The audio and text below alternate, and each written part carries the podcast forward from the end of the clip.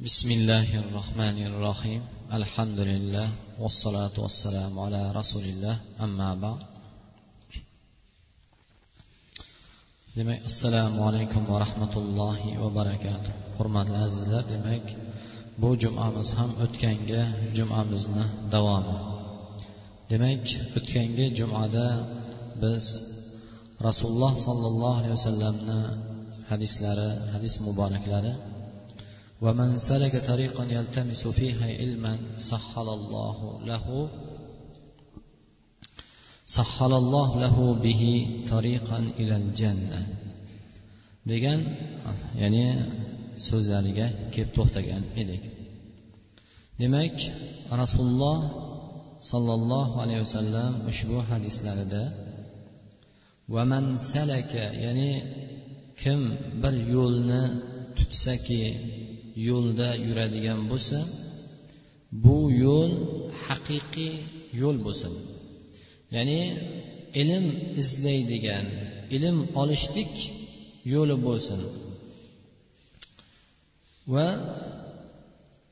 ana shu yo'lda yuradigan bo'lsa ilm olishlik dunyo va oxiratni saodatini beradigan baxtini beradigan ilm yo'lida yuradigan bo'lsa. Yoki ma'naviy bo'lsinki bu o'sha yo'ldaki u odam ilmning ziyoda qilishi uchun ilm egallashligi uchun muzokara qilishlik qiroat qilishlik yoki yozishlik yoki fahm etishlik qaysi holatda bo'lishidan qat'iy nazar ikki yo'lni tutgan odam sahhalallohu lahu bihi tariqan ilal janna alloh subhanava taolo bu bandasiga yo'lni ya'ni jannat yo'lini oson qilib qo'yadi degan ekanlar. Mana shu olloh oson qiladi degan ya'ni hadisda shu kalimadan murod rasulullohni so'zlaridan murod alloh subhanava taolo ilm o'sha axtarigan ilmini alloh subhanava taolo osonlik bilan egallashga muyassar qilar ekan. Va yo'lini oson qilib qo'yar ekan. O'sha ilmini oladigan sharoitini olloh qulay ya'ni muyassar qilib qo'yar ekan. Va buni evaziga alloh subhanava taolo jannatni va'da qilar ekan. Alloh subhanaa taolo qur'oni karimda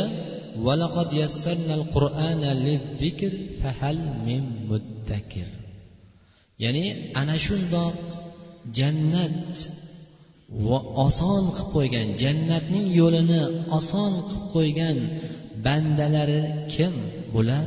Tolibi ilmlar. Shuning uchun alloh subhana taolo biz qur'oni karimni zikr uchun ya'ni ular qiroat qilishligi uchun ta'lim va ta'lim berishlik va ta'lim olishligi uchun qur'oni karimni biz juda yengil qilib qo'ydik. Ya'ni bu qur'onni arab tilida nozil bo'lgan bo'lsa ham lekin dunyoni qaysi bir burchagida bo'lishidan qat'iy nazar qur'onni o'qiydigan va qur'onning ta'limi uchun harakat qilgan odam albatta osonlik bilan alloh subhana taolo muyassar qiladi. Lekin boshqa tilni o'rganish kerak bo'lsa bu til birodarlar juda ancha mashaqqat bo'ladi. Lekin qur'onni biz oson qilib qo'ydik. Ya'ni tillarimizga to'g'ri ya'ni osonlik bilan tilovat qiladigan o'qiydigan qilib qo'ydik deb olloh marhamatini bayon qildi. Fahal min muddakir. Demak bu qur'onni eslaydigan ollohni ne'matini demak qur'onni zikr qiladigan qiroat qiladigan tilovat qiladigan odam bormi? Degan ma'noda. Va ikkinchi murod alloh subhana taolo jannat yo'lini oson qilib qo'yishligi. Agar ilm olgan odam tolibi ilm bu ilmdan o'qishlikdan murod allohning roziligini ollohni ma'rifatini bilaman deb qasd qilsa va o'sha o'qigan ilmiga olim odam amal qiladigan bo'lsa bu hidoyat topishiga sabab bo'ladi va bu odam iymonning rohatini lazzatini bilishiga sabab bo'ladigan narsa birodarlar bu ilm asosan demak buni evaziga nima jannat o'shancha olloh jannatni oson qiladi degan ekanlar yoki bo'lmasa وقد ييسر الله لطالب العلم علوما أخرى ينتفع بها alloh subhana taolo bu tolibi ilmga boshqa bir ilmlarni olloh oson o'sha o'qigan qasd qilgan va o'qigan ilmiga muvofiq boshqa ilmlarni ham alloh subhana taolo oson qilib qo'yar ekan. Bu ilm jannatga olib borishiga sabab bo'lishi mumkin. Tafsirni o'qigan bir tolib ilmga olloh hadis ilmini yoki fiqh ilmini yoki bo'lmasa boshqa bir dunyoviy ilmni o'rganishiga oson qilib qo'yishligi va o'zingni manfaatiga ham yoki yosh boshqa birodarlarni ya'ni insonlarning manfaati uchun ham xizmat qilib ularni duosidanmi? Yoki bir insonga qilgan yordami allohni xolis roziligi uchunmi ilmini sababidan? Ya'ni alloh subhana taolo qaysidir bir amaldan jannatga ya'ni jannatni oson qilib qo'yishi ehtimol ekan. Shuning uchun man amila bima alima ya'ni kim o'qigan ilmiga amal qiladigan bo'lsa alloh subhanava taolo bunga o'zi bilmagan narsalarni olloh muyassar qiladi degan ekanlar shuning uchun alloh subhana taolo vattaqulloha va yuallimukumulloh ya'ni ollohdan taqvo qilinglar taqvo nima taqvo bu insonni o'qishligi yoki birovga yetkazib qo'yishlik emas birodarlar. Ilmni o'zimiz o'qishligimiz yoki o'zimiz birovga yetkazib ta'lim berishligimiz emas. Taqvo o'sha bilgan narsamizga amal qilishlik. Inson bitta hadis bildimi shu narsaga amal qilishlik. Ana bu narsa taqvo bo'ladi birodarlar. Va buni evaziga alloh subhana taolo va o'zi bilmagan. O'sha bilgan eshitgan o'qigan ilmiga amal qildimi? Olloh o'zi bilmagan bu hadisdan yoki oyatdan yoki bu ilmni rohatini beradiki hech kimga bermagan rohatni va hech narsadan topmagan rohatni birodarlar berar ekan. Shuning uchun rasululloh sollallohu alayhi vasallam marhamat qilgan ekanlarki agar kim ikki kunini bir xil o'tkazadigan bo'lsa bu odam zarar qilibdi degan ekanlar. Azizlar kim ikki kunini birin ketin kunini bir xil o'tkazadigan bo'lsa zarar qilibdi. Bu odam zararda bo'lar ekan. Bu zarar dunyoviy jihatdan ham uxroviy jihatdan ham albatta bu odam zarar qiladi.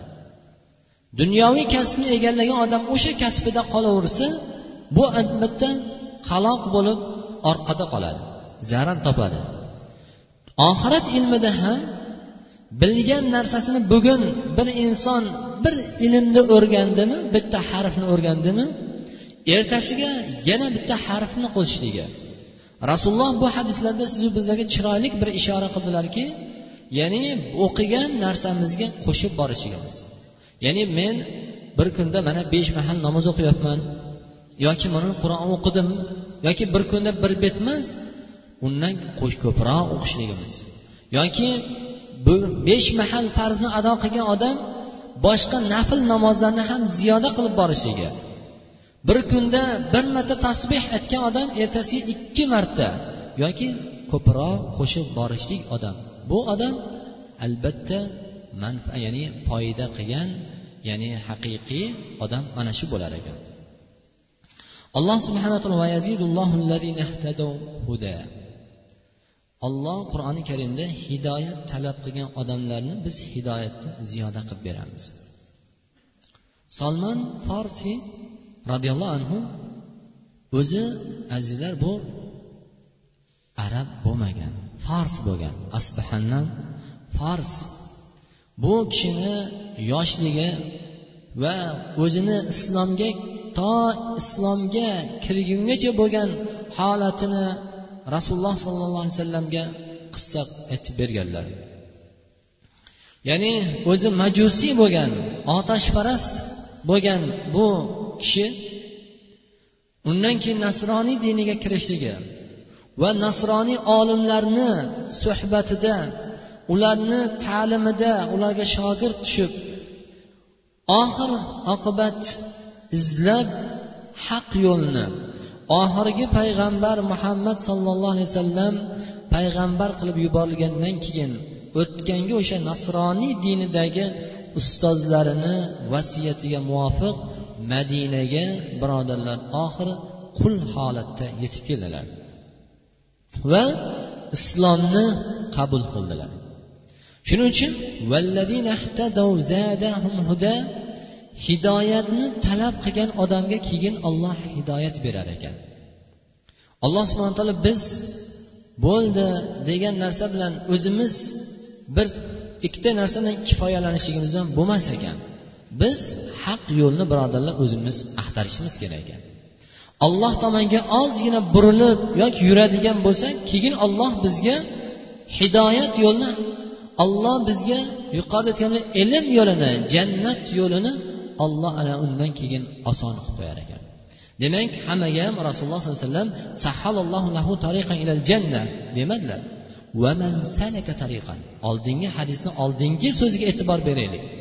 Kim ilm yo'lida allohni ma'rifatini allohni haqiqatini ollohni ism sifatini ollohni zotini allohni fe'lini afallarini va allohni haybatini allohni muhabbatini izlagan bandaga. Ana unga alloh subhana taolo jannatni oson qilib qo'yar ekan. Va albatta azizlar alloh subhanava taolo payg'ambarimiz sollallohu alayhi vasallamni shundoq sifatladilarki va innaka la ala xuluqin azim. Sizni albatta biz xulqingizni nihoyatda ulug' bir oliy xulq egasi qildik. Ya'ni payg'ambarimizni faqat shu sifat bilan maqtadilar. Rasulullohni sifatlari birodarlar hamma sifatlari namuna. U zotni savdodagi oiladagi ziroatdagi yoki chorvadagi yoki yotish yoki yeyishdagi kiyim libos kiyishdagi holatlari ham namunadir. Lekin alloh subhana taolo va innaka la ala xuluqin azim. Albatta biz sizni xulqingizni ulug' qilib qo'ydik xulq nima? Xulq deganda biz birovga salom berishligi yoki birovga bir e, yordam qilishligi degan narsa emas ekan. Juda keng ma'nodagi narsa ekanki bu insonni xulqi insonni kamolatiga olib chiqadigan insoniylik darajasini haqiqiy insoniylik sifatini beradigan narsa bu xulq ekan.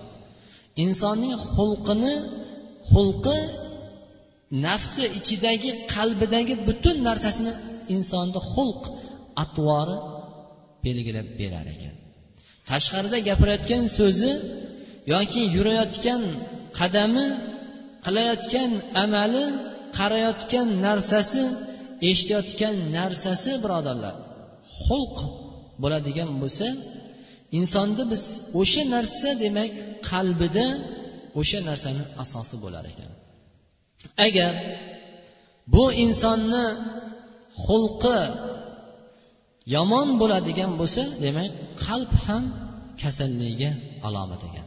Shuning uchun rasulullohni alloh subhana taolo sizni biz xulqingizni ulug' qilib qo'ying dedi. U zotni xulqlari shunaqangi bir ulug' edilarki hamma narsada bizlar uchun namuna bo'ladigan zot edilar.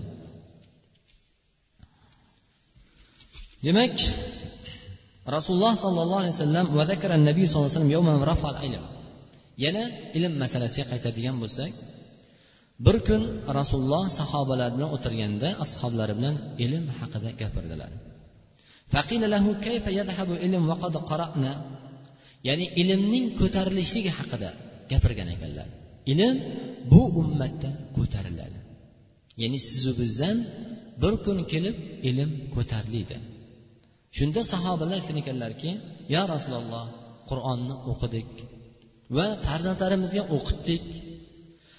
Ayollarimizga o'qitdik ayollarimizni o'qityapmiz farzandlarimizni o'qityapmiz. Lekin qanaqasiga bizdan ilm ko'tarilishi mumkin? Bu narsa davom etib ketyaptiku.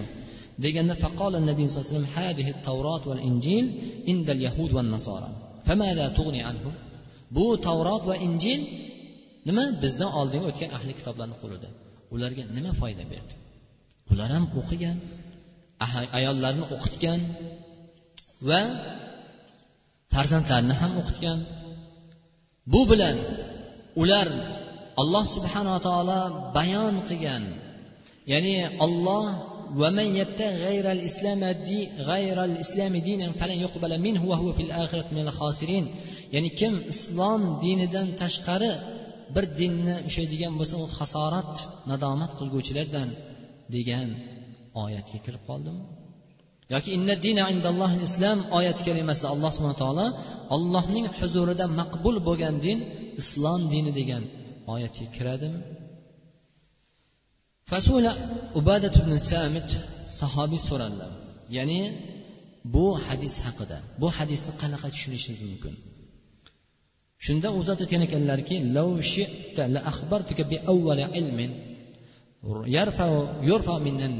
ya'ni agar sen xohlasang menga shundoq senga shundoq xabar beramanki aytaman. Ya'ni odamlardan eng birinchi ko'tariladigan ilm bu xushu ko'tarilgan. Ya'ni azizlar xushu insonda ko'tarilishligi demak bu ilmni ko'tarilishi ekan. Agarchi bizni qo'limizda qur'on hadis bo'lsa ham. Demak qalbimizdagi qo'rquv qilayotgan ibodatimizda turganimizda yoki qilayotgan kasbimizda qilayotgan savdoyimizda yurayotgan qadamimizda qarayotgan ko'zimizda agar qo'rquv ko'tarilidimi demak bu ilmni ko'tarilganligi alomati ekan. Shuning uchun azizlar ilm ikki qismga bo'lgan ekanlar. Birinchisi ilm bu qalbda bo'ladigan narsa. Ya'ni mevasi qalbda o'sib chiqadi bu ilmni. Samarasi asari ko'rinadi. Ya'ni alloh haqidagi ismi sifati fe'l atvorlari. Va allohni haybati ulug'ligi ya'ni egilishlik qo'rquv tavakkul umid hamma narsa. Bu narsa qalbda kelib chiqadi. Mana bu ilm manfaatli ilm bo'lar ekan agar o'qigan ilmimiz ollohdan qo'rquvni keltirmasa ollohga suyanishlik ollohga tavakkul qilishlik ollohdan haybatlanishlik qo'rqishlik agar xushu kelmasa birodarlar bu ilm o'zimizga qarshi hujjat bo'lib qolar ekan. Abdulloh ibn masud roziyallohu anhu aytgan ekanlarki inna yaqrauna al-qur'ana la taraqihim ya'ni shunaqa bir qavm keladiki qur'on o'qishadi. O'qiganda qandoq? Judayam chiroyli judayam shirin o'qiydilar. Eshitgan odamni yuraklari ya'ni larzaga kelib ko'zlaridan yosh chiqaradigan shunaqangi shirin o'qiydi chiroyli o'qiydi. ولكن إذا وقع في القلب فرسخ فيه نفعا agar ularni qur'onlari lekin tomoqlaridan o'tmaydi. O'qiladi og'zimizda ovozimiz judayam chiroyli judayam o'rnida ollohni vaid oyatini olloh jahannam haqida xabar beriladi yoki undan narsadan haybat bo'lmaydi. Xuddi bir jarida o'qigandek o'qib ketaveradi. Na undan ta'sirlanishlik na undan bir rohatlanishlik bo'ladi. Jannat haqida oyatni o'qiydilar. Lekin bu jannatga bo'lgan muhabbat jannatga bo'lgan ishtiyoq va u zotni insonda amalida ko'rinmaydi na suratida sifatida. Shuning uchun valakin agar qur'on insonning qalbida joy topadigan bo'lsa farrasaha o'rnashadi va foyda beradi degan ekanlar demak qur'onning o'qiganda ali ibn fudayl fudayl ibn iyod rahmatulloh alayhini o'g'illari ali ibn fudayl bu kishi qur'on o'qilganda suratul qoriya ya'ni al qoriya surasini o'qiganda birodarlar hushidan ketgan ekan. Toqat qilolmagan ekanlar.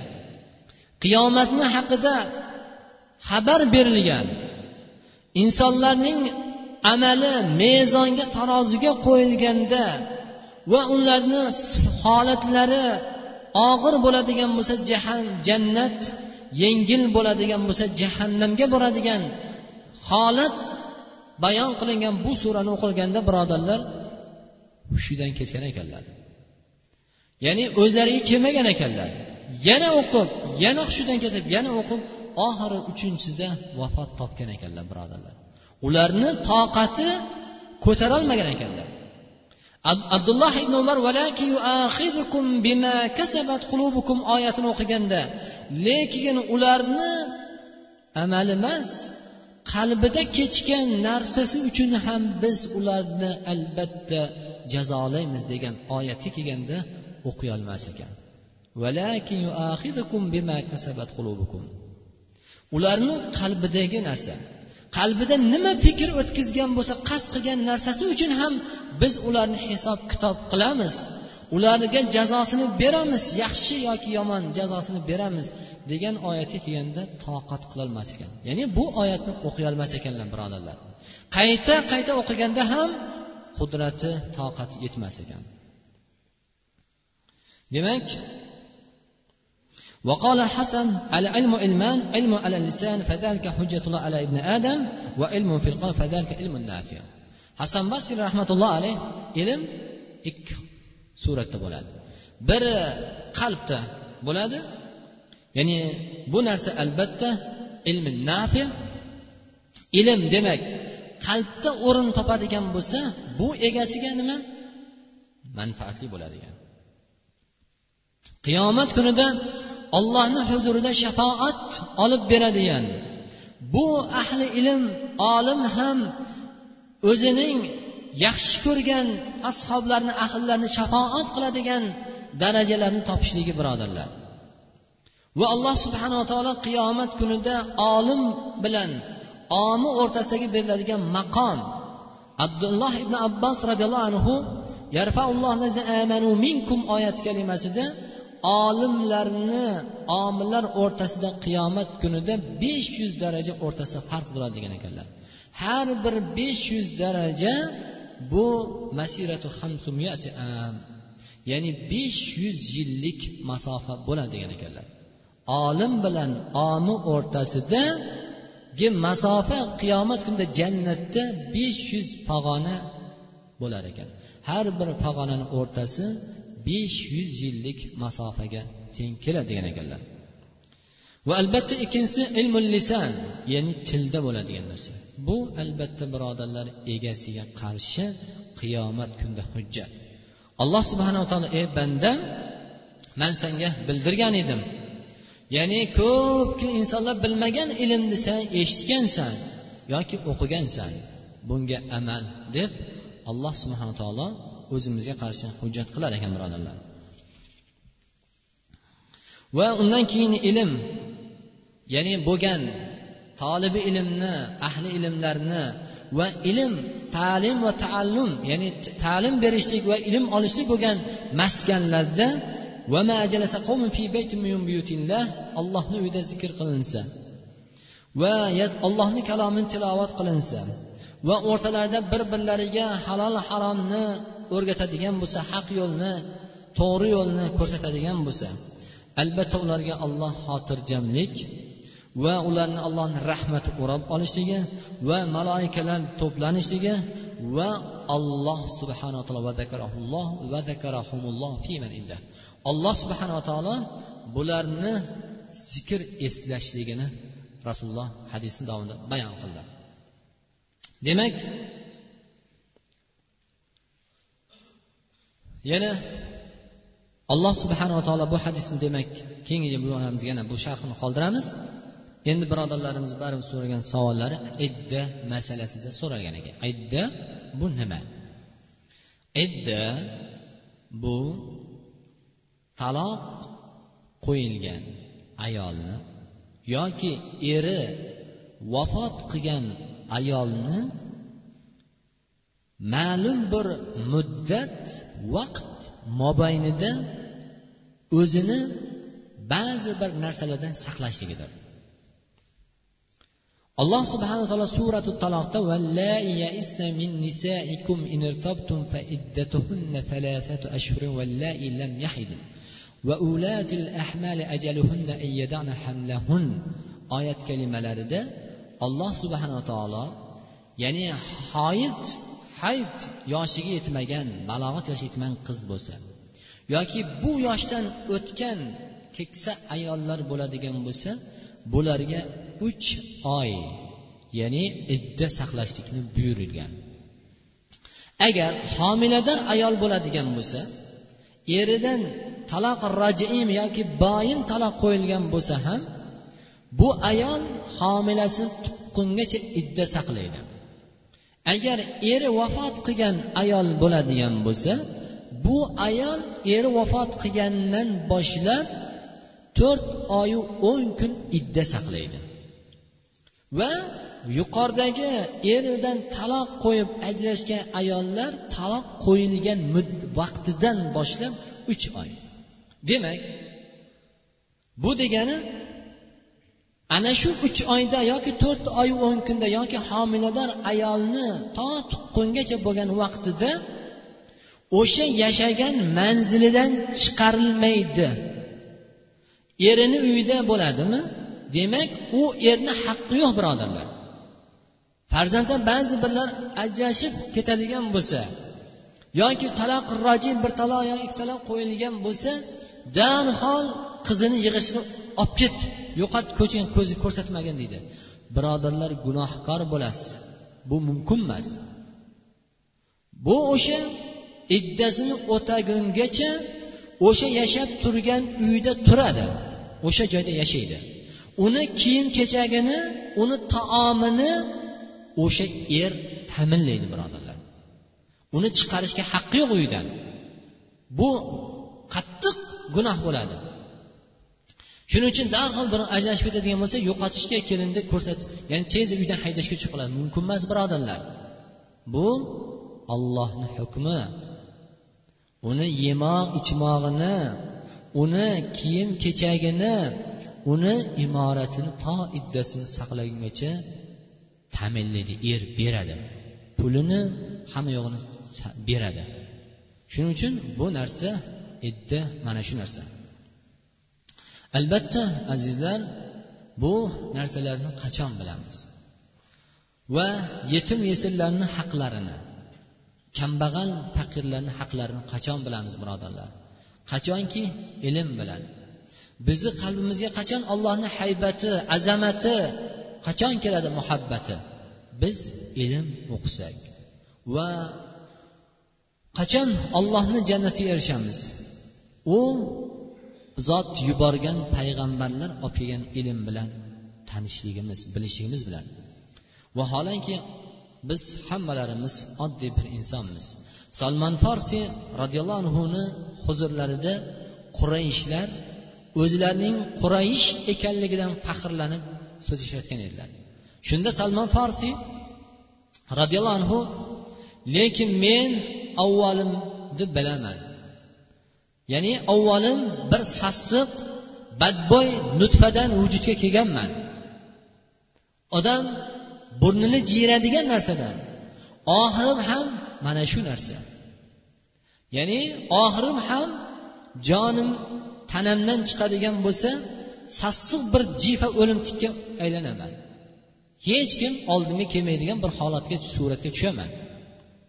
Lekin allohni qiyomat kunida ollohni huzurida agar meni mezonim qilgan amalim mezonda tarozda og'ir keladigan bo'lsa ana unda men haqiqiy faxrlanaman.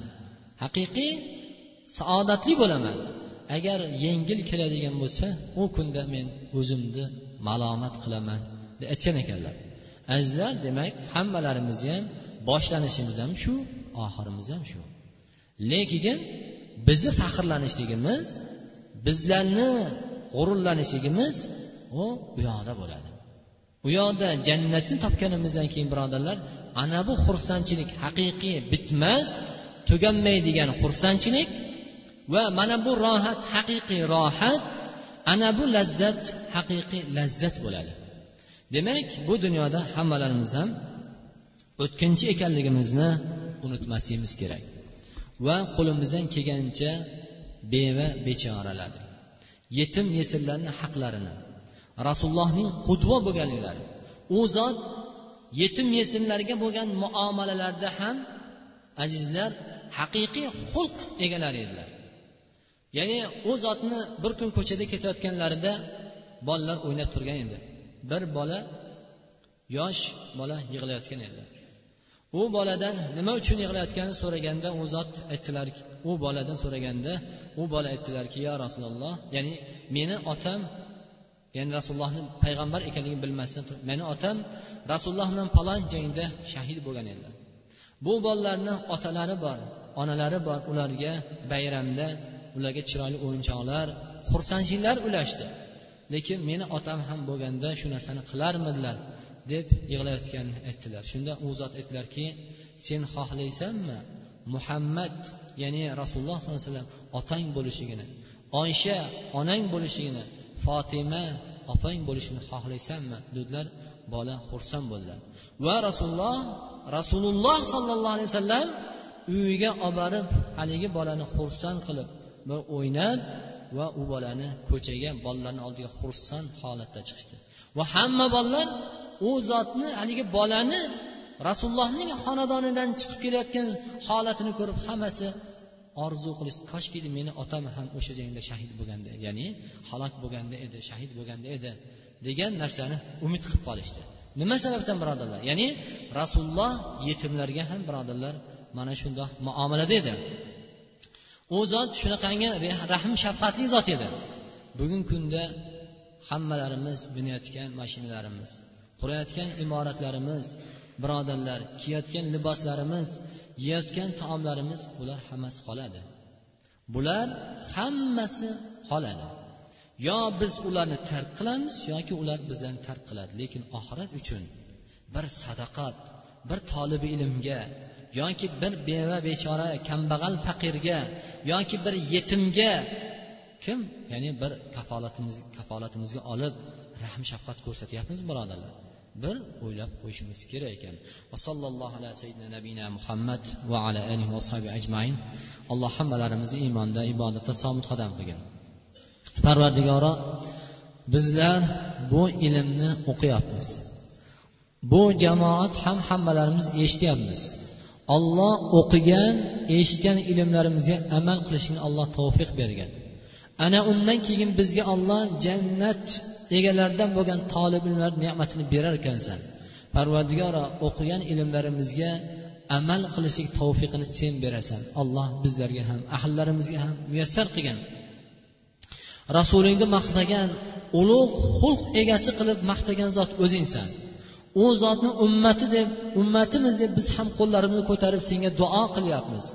U zotni sunnatlariga ergashib seni muhabbating toparmikanmiz deb olloh bizlar umidvor bo'lyapmiz u zotni maqtagan xulq egalaridan bo'lishga bizlarga ham olloh muyassar qilgin اللهم انا نسالك الهدى والتقى والعفاف والغنى اللهم اجعل خير عمرنا اخره وخير عملنا خواتمه وخير ايامنا فيه يوم نلقاك اللهم يا مقلب القلوب ثبت قلوبنا على دينك اللهم يا مصرف القلوب صرف قلوبنا على طاعتك parvardigora hammalarimizni xonadonlarimizni mahallamizni vatanimizni tinchlik xotirjamlik alloh barqaror qilgin rahbarlarimizni xayrli shar'iy ishlarga alloh rivoj bergin yurtimizni qimmatchilik qahatchiliklardan musibatlardan alloh o'zing asragin alloh ziroatlarimizga tijoratlarimizga alloh barakatlar ato qilgin Va haloldan amal qilishga bizlarga muvaffaq qilgin. Va sallallohu ala sayyidina muhammad va ala rahmatga rahmon rahmanir rohimin.